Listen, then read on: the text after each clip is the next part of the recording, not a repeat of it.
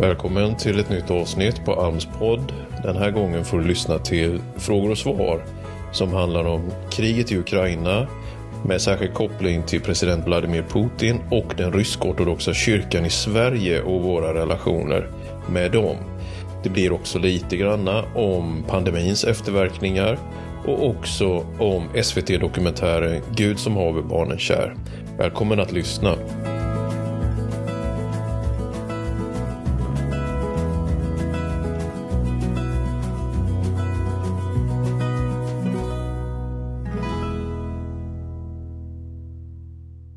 Vi börjar med första frågan då direkt, Ja. eller? Ja, Redo? Finns inget att tveka på. Nej. Nej. Då lyder det så här. I Romarbrevet 13, 1-5 står det om överheten som vi ska underordna oss i. Men Putin och ryssarna. Oj, oj, oj. Ja, alltså Romarbrevet 13, där står det ju bland annat att eh, överheten bär inte svärdet förgäves, står det att eh, det finns någonting som man uppfattar att Paulus inte utmanar till eh, revolt, uppror liksom, eller anarki eller totalt ordningslöshet, utan det finns ändå en, eh, en, en, en tanke, för jag tror att ja, men kristendomen, evangeliet var så starkt eller det, det bröt fram i romarriket så en del fanns ju liksom möjlighet att ta till vapen och sådär. Och det, det verkar Paulus hålla emot men liksom acceptera det då. Eh, Sen, sen när man har sagt det, till exempel att polisen har våldsmonopol säger man i Sverige, det är bara polisen som har rätt att bruka våld i Sverige. Sen finns det ju den här aspekten, du måste lyda Gud mer än människor. Och eh, ja men då här, Putin och ryssarna, ja. För det första är ju inte rysk regim är ju inget som vi är underställda och samtidigt så vet jag ju att det är väldigt liksom lätt att det är lätt att vara radikal på avstånd. Jag, jag har citerat i något sammanhang ett exempel som jag tycker är liksom berörande och talande eh, men man undrar hur man själv skulle bete sig i det. Det fanns en luthersk präst under andra världskriget i Tyskland, Dietrich Bonhoeffer och han han eh, var en del av motståndet mot Hitler.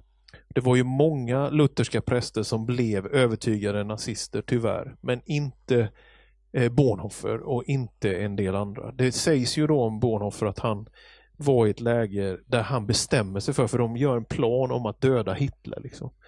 Och han resonerar med sig själv, den som tar till svärd ska förgås av svärd, liksom säger ju Jesus där i ett semane, ni vet när en, en, lä- eller en vakt blir av med ett öra på grund av Petrus där. Så, så, så Bonhoeffer resonerar liksom med det, är det rätt att ta livet även om det är en grym diktator som Hitler? För den som tar till svärd ska ju själv förgås av svärd, men då säger ändå liksom, han kommer ändå fram till det, ja, det är värt att ta den risken att stå inför Gud, att jag har tagit en annan människas liv, för den ja, i sin tur tar så många andras liv. Eh, så det är ju svåra etiska vägval. Eh, och det är en rysk regim som ju är det är, det är mera ett tsarrike, en kvar, någon slags mix av gamla tsarväldet, Sovjetunionen. Det är ju inte en västerländsk demokrati. Nu är inte allt bra i västerländska demokratier heller. Men, men eh, vi, att, alltså om man pang bom, det här var ju lite utbroderat svar. Men nej, vi har ju inte, vi har ju inget att vi underordnar oss. Vi är en del av Sverige och svensk demokrati och, och det är vårt sammanhang. Och där tycker jag ändå att man ska, till exempel ska vi alltid be för vår regering. Om vi håller med dem eller inte så ska man ju ändå be för dem. Det, det är ändå en kallelse vi har. Sen måste man inte hålla med dem i allting då. Så det är väl så man förhåller sig som kristna, liksom att man, man är bedjande och man kan vara profetisk och stå upp och göra motstånd och sådär när, när det går emot Guds principer. Ja, det får vara svaret. Mm. Ryska ortodoxa kyrkan stöder Putin. Hur ska vi relatera oss till ryska ortodoxa i Sverige? Ja, det här är ju en angelägen fråga också såklart. Man ska veta att i Sverige, om man börjar på svensk mark, så har den ryska ortodoxa kyrkan två grenar. Det finns ett Moskvapatriarkat, alltså de som är lojala med Moskva och där kan man säga då i förlängningen med regimen. Men så finns det andra rysk-ortodoxa troende i Sverige som jag tror det är länkat via bulgarisk ortodox miljö som i sin tur är underordnade Konstantinopel, eller den ekumeniska patriarken i Istanbul. Så man ska veta det att i Sverige finns det två grupper av rysk-ortodoxa. Och här i Västerås så har vi ju en nybyggd rysk-ortodox kyrka borta vid flygplatsen på Atmosfärvägen och eh, den tillhör då Moskva-patriarkatet, alltså är, är lojal med den ryska ortodoxa kyrkan som utgår från Moskva. Och Den leds ju av en Kirill som ju man ändå får konstatera är väldigt lojal med regimen. Eh, och nu i söndags så i ortodox miljö så var det ju den så kallade förlåtelsesöndagen och jag tror i ortodox miljö att det är så att då ber prästen ber församlingen om förlåtelse och församlingen ber varandra om förlåtelse. Och på den söndagen håller då Kirill ett tal eh, om eh, något som man ändå får tolka som stöd till invasionen då. Så det är ju väldigt komplext. Samtidigt ska man veta att den här prästen i Stockholm som också tillhör samma då patriark, Moskva, skrev en text som har rubriken katastrof. Så det är många rysk-ortodoxa präster och som det verkar då den här prästen i Stockholm som är väldigt, väldigt eh, också kritiska till det som görs. Det finns en del signaler som kommer ut att regimen håller den rysk-ortodoxa kyrkan i ett stenhårt grepp. De inte är fria att agera. De som står oss nära, eh, Pingstunionen då i Ryssland, det kan man ju veta att den leds av ukrainare. Det är ganska intressant, men Ukraina är Östeuropas och de slaviska ländernas verkliga andliga kornbo. Det är inte bara ett bördigt jordbruksland med liksom 15 meter matjord ner. För det är det ju också. Ukraina är ju jordbruks Eldoradot får man säga, en av världens största jordbruksnationer. Men det är även ett andligt, liksom bördigt land. Så egentligen alla pingstledare som till exempel den som leder den ryska pingstunionen heter Edvard Grabovenko. Han är själv ukrainare. Så det är väldigt vanligt att ukrainare har varit så att säga missionärer. Så bilden är ju ganska komplex liksom. Så ryssar, ukrainare och, och belarusier, de är väldigt tajta. Även inom pingstunionen. Så vi har ju vi har ju sagt att eh, från Sveriges kristna råds sida så är ju tanken att försöka ha dialog och framföra kritik mer än att bara kapa alla band. Sen just de här i Sverige är inte särskilt aktiva i den typen av ekumeniska sammanhang. Så jag till exempel tror aldrig jag har mött dem. Jag har varit en gång dock i deras i en rysk-ortodox kyrka i Stockholm för många år sedan. Så att jag, jag tänker att vi eh, kan eh, relatera till det på det sättet att lika mycket som vi förfasar oss över eh, liksom Putins aggression och den ryska regimens aggression, lika mycket måste vi kunna skilja mellan vad som är rysk folksjäl, ryska människor, att vi inte utvecklar ett hat eh, mot ryssar i allmänhet. För det tror jag ju kanske pågår lite just nu också. Mm. Det får vara svaret på den. Mm. Kommer vi som församling göra något för att tydligt visa utåt i samhället att vi stöder folket i Ukraina? Delta i manifestationer eller på annat sätt visa vårt stöd? Och kan vi göra något aktivt, typ det som Mikaelikyrkan gör imorgon kväll, som en konsert med insamling? Mm. Ja, alltså vi lyfter ju det i gudstjänster och vi försöker vara med. Vi har ju inte dragit igång en helt egen egen insamling utan vi har hänvisat mycket då till PMU som vi har second hand ihop med men det är ju också en biståndsorganisation och ja, uppmanar oss alla till att liksom ge till PMU och så har de ett samarbete med de här som jag nämnde tidigare, pingkyrkor och andra som de liksom eh, Eh, stöttar då. Och det är in i Ukraina och det är även i alla grannländerna. Det är ju väldigt mycket flyktingar nu i till exempel Polen men även Moldavien, Rumänien och, och, och så vidare.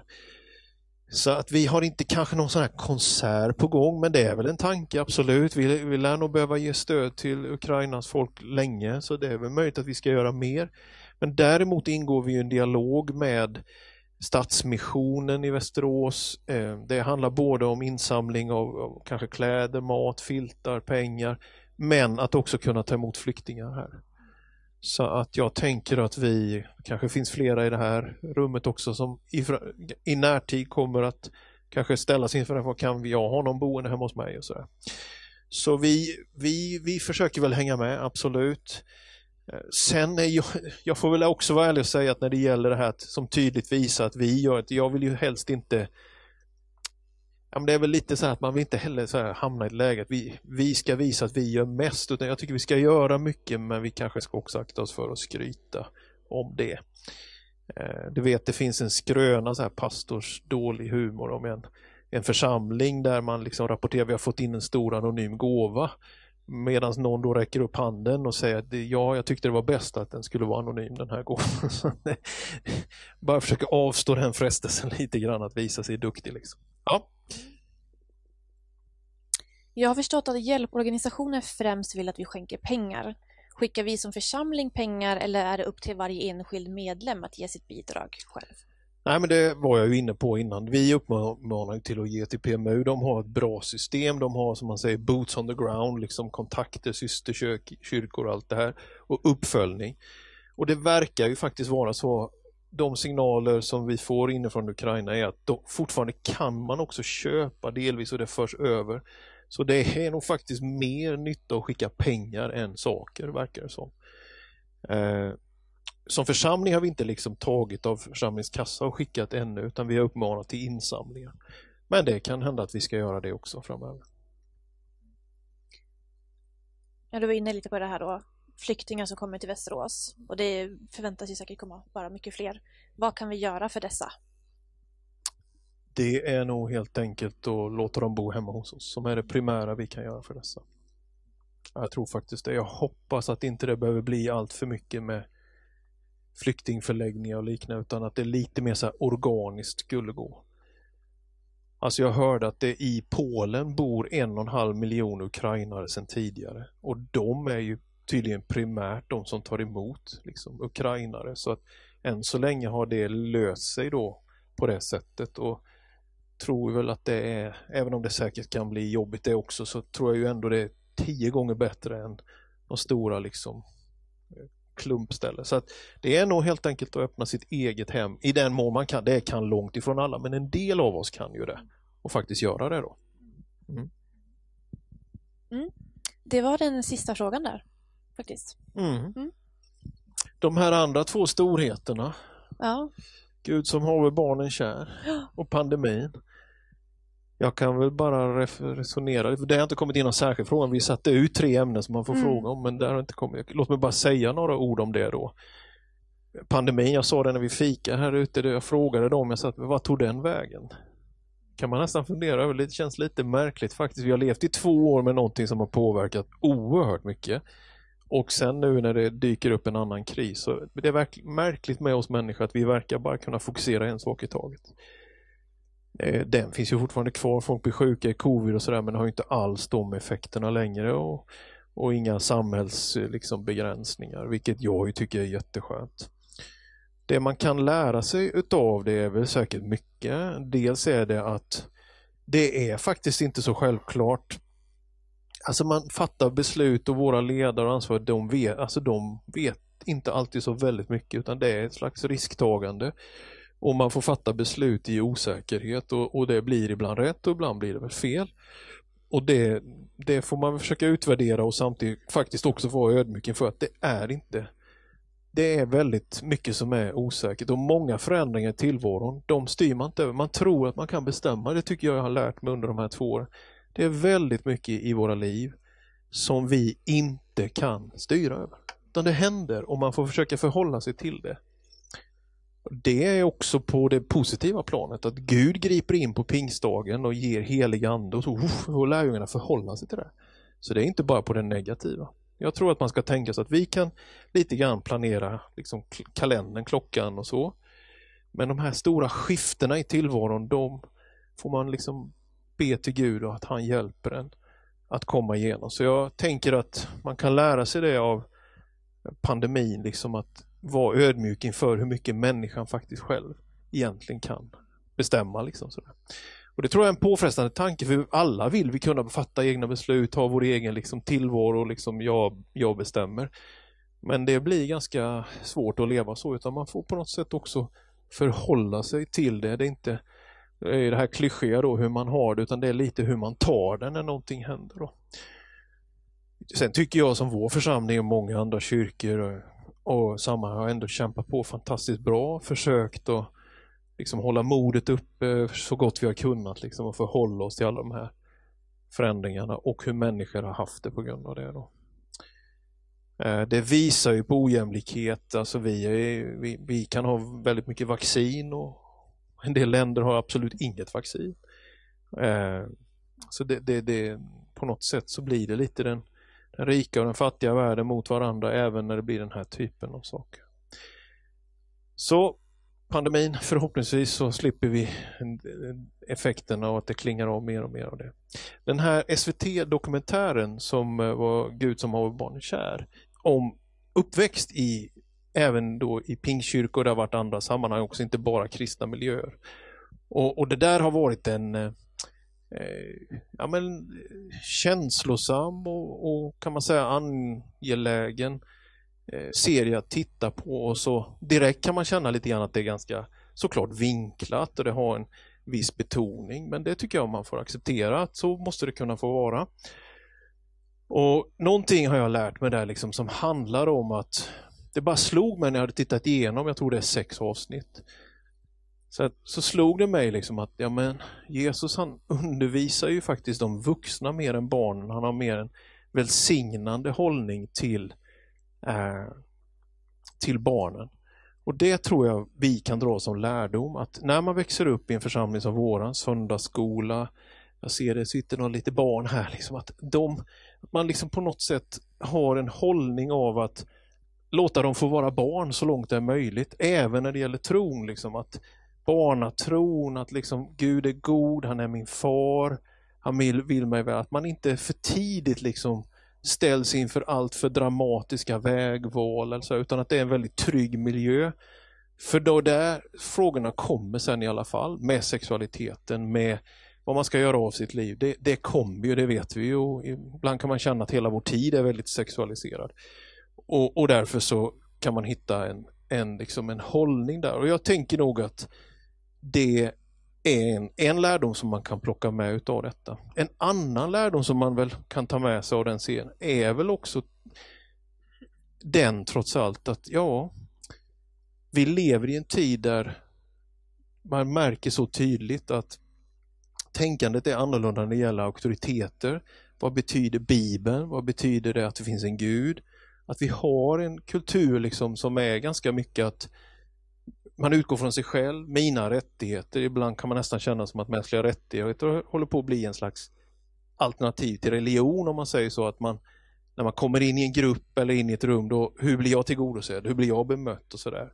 Och det där leder ibland till en kollision faktiskt. För att kyrkan står ju där och lite grann säger glöm bort dig själv, tro på Gud, läs Bibeln och så vidare. Och den kollisionen som ibland blir mellan mig som person och liksom Gud som storhet och församling som gemenskap, Den är ju inte lätt att helt plocka bort faktiskt. Den kommer nog alltid att finnas där. När man kommer hit till exempel eller till en kyrka så ber man inte till mig utan man ber till Gud. Man, auktoriteten är Guds ord, inte senaste nytt på nyheterna och så vidare. Så att det, det, att lyssna och ha respekt och värme, att ha en mjuk liksom, och, och, barn får växa upp liksom, tryggt. Det är en lärdom. En annan lärdom är nog ändå att försöka också hjälpa varandra att förstå, nej, men vi, en kyrka är ändå inte uppbyggd på det sättet att det börjar med mina preferenser och det där skaver tror jag i en ganska eh, sekulär tid som har glömt rätt mycket av att det faktiskt är så man tänker i kyrkan, att det, det finns en annan en annan liksom auktoritet. Ja, hade vi någon mer fråga här som har kommit Ja, nu kom det in en fråga här, apropå då Gud som haver barnen kär. Ja. Att det finns familjer med en annan bakgrund och då kultur och annan teologisk uppfattning. Hur kan de förhålla sig till det här? Mm. Jo, men det, och det är väl kanske på ett sätt lite på det här som jag var inne på tidigare. Att det svenska mediasammanhanget eller sekulär kultur har ganska svårt att förhålla sig till kanske islam. Att man, man är från en annan kultur och har flyttat till Sverige. Kanske har en annan, liksom lite annat språkbruk, lite andra vanor och sådär. Så att det där är, det är jättesvårt. Alltså det är ju jättesvårt att säga så mycket om annat än att vi försöker säga att journalister behöver faktiskt också lite utbildning. Journalister behöver också lära sig att förstå, vi brukar skoja och säga det ibland i Sveriges kristna råd, liksom att ja, hade sportjournalister betett sig som de journalister vi får möta många gånger gör så hade ju idrottsvärlden bara sagt att skicka någon annan. Liksom. För att man förväntar sig kunskap om du ska skriva eller rapportera om idrott. Då förväntar du att du kan någonting om idrott. Liksom. Men när det gäller tro och religioner så känns det ibland som att det ska man kunna skriva om och rapportera utan att egentligen ha någon kunskap. Jag hade ju själv en journalist på besök här och så uppe, vårt kontor är ju här uppe och då sa jag, har du varit här förut? Nej. Så vi gick in bara på läktaren, man kan gå in här och när vi står där på läktaren, jag och den här journalisten, så frågar eh, personen då, vad är det där längst fram? Och, och jag förstod inte först men sen efter ett tag så, så, så ja du menar korset sa jag till journalisten. Just det, kors heter det.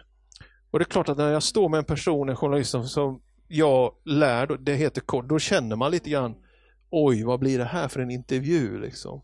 Hur ska jag göra mig förstådd? Så att det är väl lite grann vad vi lever med, en, en form av kanske okunskap om religioner och den blir ju ännu större när det är andra kulturer. Mm. Och då kom det in en fråga här gällande pandemin. Hur agerade kyrkorna när demokratin blev hotad, det vill säga religionsfriheten? Anser du att kyrkorna kunde gemensamt ha agerat annorlunda vad gäller frågan om gudstjänstlivet och våra rättigheter gällande just religionsfriheten? Ja, det, det där är ju en fråga som vi har kämpat mycket med och vi har ju fått både applåder och kritik för det. Man kan konstatera när det här med vaccinpass blev, det var ju en del av den sista svängen här. Va? Då är det så att Kulturdepartementet som vi har kontakt med då, de har ju kultur, idrott och trosamfund. Och varken kultur eller idrott hade överhuvudtaget någon åsikt om, utan de sa ja, kör vaccinpass på allt bara.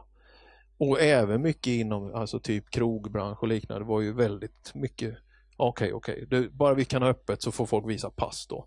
Så vi var ju de enda som ifrågasatte det, trosamfunden, och sa att vi har väldigt svårt att se att man ska legitimera sig för att gå på en gudstjänst och så.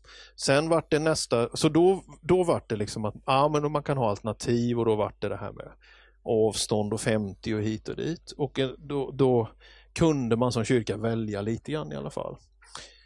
Sen så vart det ju ganska snart att man konstaterade att det gjorde ingen större nytta helt enkelt om, om man tänker smittspridning. Så, så vi eh, såg att en del kyrkor då hade man vaccinpass, typ om man hade någon konsert och en del på gudstjänst. Vi här försökte ju göra både och och det väckte ju en del irritation också då. Så vi, vi hade ju en gudstjänst med pass och en för 50. Och det var väl bara under några veckor, kanske du nästan minns bättre, men jag vet om det var tre veckor, fyra, fyra veckor kanske. Så att det var ju en kort tid som det blev. Men det väckte ju en viss irritation där en del tyckte att det blev liksom två grupper eller sådär i församlingen. Så vi var väl inte jätteglada för det. Jag var inte glad för det alls. Men jag, jag såg det mer som att ja, det är det här vi kan göra just nu då. Om vi hade kunnat gjort mer. Jag vet, jag har ju ändå varit med på ett antal möten med Folkhälsomyndigheten och Kulturdepartementet. Vi har ju ändå vajat med de här flaggorna och sagt gör inte inskränkningar eh, på religionsfriheten på det här sättet. För det, det kände vi ju ändå att det var. Och därför gjorde de vissa eftergifter men de var ju inte beredda, som i Finland har det ju faktiskt varit så hela tiden, att all, kyrkorna har varit undantagna, alla, egentligen alla restriktioner. Men så blev det ju aldrig i Sverige. Och eh, vi, eh, vi kände inte, och det fanns inte stöd för det och jag kände faktiskt inte det själv heller, att vi ville liksom eh, debattera det hårdare eller hur man ska säga eller eller att vi skulle begå lagbrott och sådana saker. Vi hade ju till exempel en eller två gånger eh, kontakt med Länsstyrelsen här. De läste ju då på våra webbsidor, de ringde och kollade. Dels var det med vår ungdomsverksamhet här som de var i farten någon gång och sen, ja då tror jag de hörde av sig två gånger formellt och ville kolla att vi följde, så det fanns ju en viss sån uppföljning. Och, och, och vi märkte också att bland de stora massan av kristenhetens ledare så fanns det ingen, inget driv för att strida sig så att säga blodig i den frågan utan man mer förhöll sig. Men mot slutet började vi ändå säga att det här, det här kan inte pågå länge för det är stå och blippa och identifiera utanför en kyrkport. Vi vill inte hålla på med det. Sen, sen bedyrar ju de då, tror det eller det vet jag inte, att det där inte registrerades. Det finns ju en myndighet som heter DIGG då som, som man var tvungen att använda deras app och sådär. Men de bedyrar ju då att det var bara ett sätt att kunna läsa av ett vaccinpass, inte att det sen tankades upp något mer. Ja, så är det. Det är tack och lov över.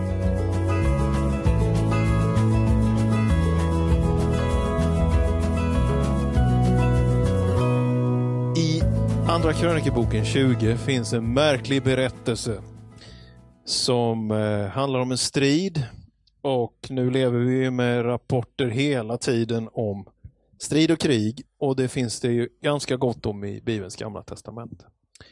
Det är Josafat och det är fiender från, från Moab och Ammon. Och det, det är en, liksom en berättelse som har så märkliga ingredienser som är att han får slags tilltal eller maning att han ska ställa lovsångare längst fram framför armén. Man kan ju uppfatta det som om de skulle bli bara krossade däremellan. Och de hade ett uppdrag att de skulle sjunga eller säga, ropa, tacka Herren för han är god eller tacka Herren hans nåd vara för alltid. Tacka Herren eviga hans nåd. Och så berättar då texten där om att när de sjunger detta, när de ropar detta, så som gensvar på det här så, så, så behöver de inte strida utan den här fiendeherren på något sätt blir attackerad bakifrån.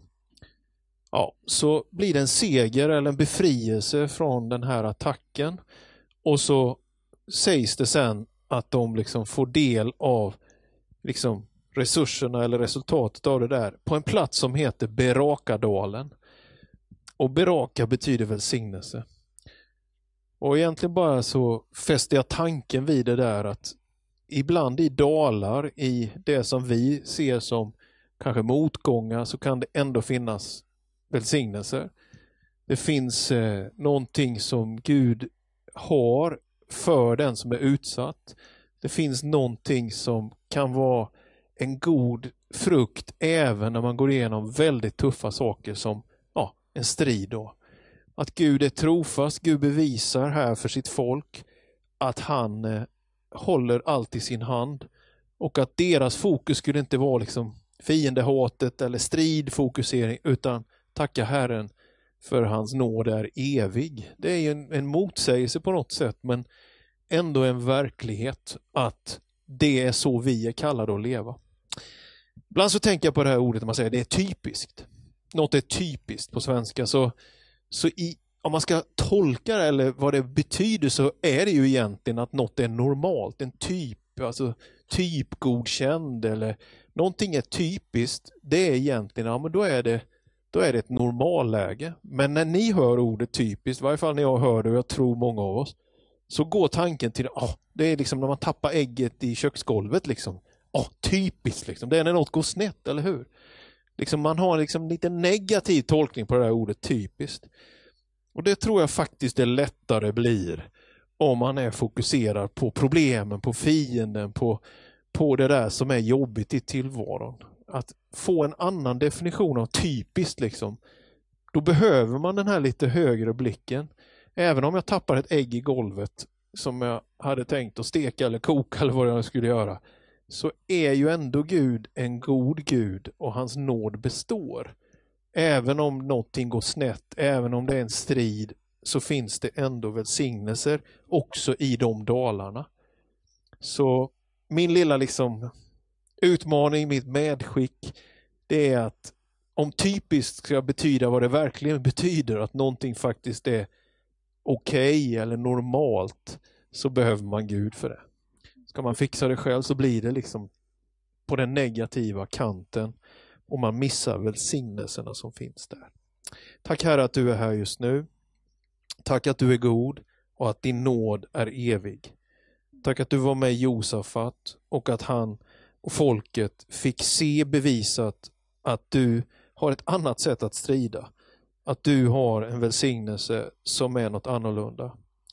Och Jesus, jag ber att du i våra liv, vardag och enkelhet, men också i de här stora sjoken som påverkar hela vår värld, att vi skulle alltid komma ihåg vad som i dina ögon är det typiska. Att du alltid är god, att du alltid är nådig. Välsigna oss så Gud, vi ber. I Jesu namn. Amen. Tack att du har lyssnat idag. Gud välsigne dig.